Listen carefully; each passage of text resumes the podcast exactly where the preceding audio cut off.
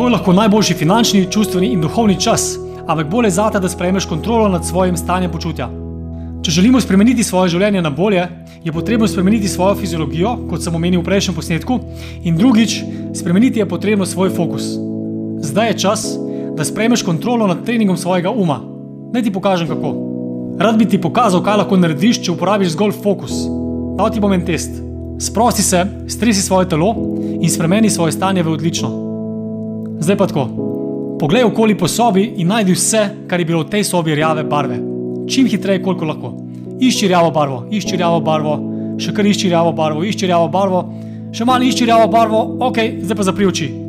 Dal ti bom en test. Z zaprtimi očmi povej na glas, kaj vse si videl, da je bilo rdeče.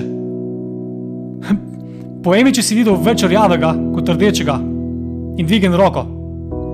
Kar doma pri sebi, dvigni roko, če si videl več rjavega kot rdečega. Ok, odpri oči, zdaj pa išči rdečo barvo. Poišči res namreč vso rdečo barvo, ki jo lahko najdeš v prostoru. Išči rdečo barvo, išči rdečo barvo, še išči rdečo, karkoli, kar je lahko rdečega, išči rdeče, išči rdeče. In zdaj dvigni roko, če si videl veliko več rdeče tokrat. Zdaj, zakaj si našel toliko več rdeče barve? Zato, ker tisto, kar iščeš, to najdeš. To, na kar se fokusiraš, to najdeš. V bistvu najdeš tudi tisto, kar sploh ni tam. Kdo izmed vas je videl bordo barvo in je rekel, da je rdeča, sem zato, da bi dobil več pik. Torej, tisto, kar iščemo, oziroma karkoli iščemo, to tudi najdemo. Mimo grede, kako hitro lahko spremeniš ta fokus? Kako hitro? V trenutku, ko spremeniš svoje pogojevanje. To je vse, kar moraš storiti. Ok, poskusi zdaj tole. Odgovori na tole vprašanje pri sebi v glavi in bodi iskren. Na kaj si lahko danes v svojem življenju ponosen oziroma ponosna? In če nisi, na kaj bi lahko bil? Na svoje otroke, na svoje zdravje, na svoje telo. Na kaj si lahko ponosna, če bi želela biti ponosna. In ko misliš na stvari, na kateri si lahko ponosen, na kaj se fokusiraš, kaj te naredi ponosnega, kako dihaš, kako se začneš počutiti ponosno, kaj se zgodi s tvojim obrazom, ko si ponosen, kakšen je občutek. Hmm. Pomisli na neko drugo področje svojega življenja. Pomisli na neko področje, za katerega si lahko hvaležen, ali pa za katerega bi lahko bil hvaležen. Kaj je področje, kjer bi se lahko počutil hvaležno? In glede česa si hvaležen tukaj, na kaj se fokusiraš, ko si hvaležen kakšen je občutek, ko si resnično napolnjen z hvaležnostjo. Kaj pa tole? Če si želiš biti res navdušen nad nečim v svojem življenju, na kaj bi se lahko navdušil, če bi si tega res želel?